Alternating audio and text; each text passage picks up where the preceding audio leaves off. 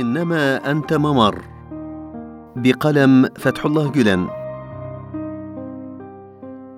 على الإنسان أن يبذل في سبيل الله كل ما أوتي من جهد ولكن عليه أن يلزم حده في جنب الله ويعي منزلته ويكون في يقظة وحذر لا يتعدى حدوده ولا ينسب لنفسه ما ليس منها.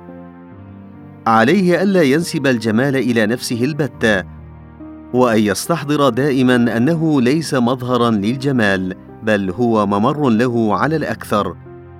لأننا لسنا أصل الجمال أصل الجمال هو الله وليس الجمال ملازما لذاتنا بل يبدو أحيانا ويختفي أحيانا أخرى مثل أشعة الشمس تنعكس على فقاعات الماء.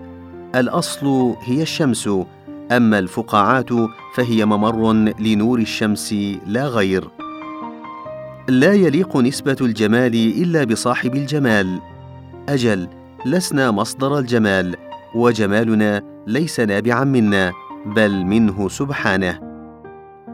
فمن كان هذا فكره بارك الله في أعماله وأصبح بطل الآية التي تقول لئن شكرتم لأزيدنكم وأفاض الله عليه من نعمه دون انقطاع.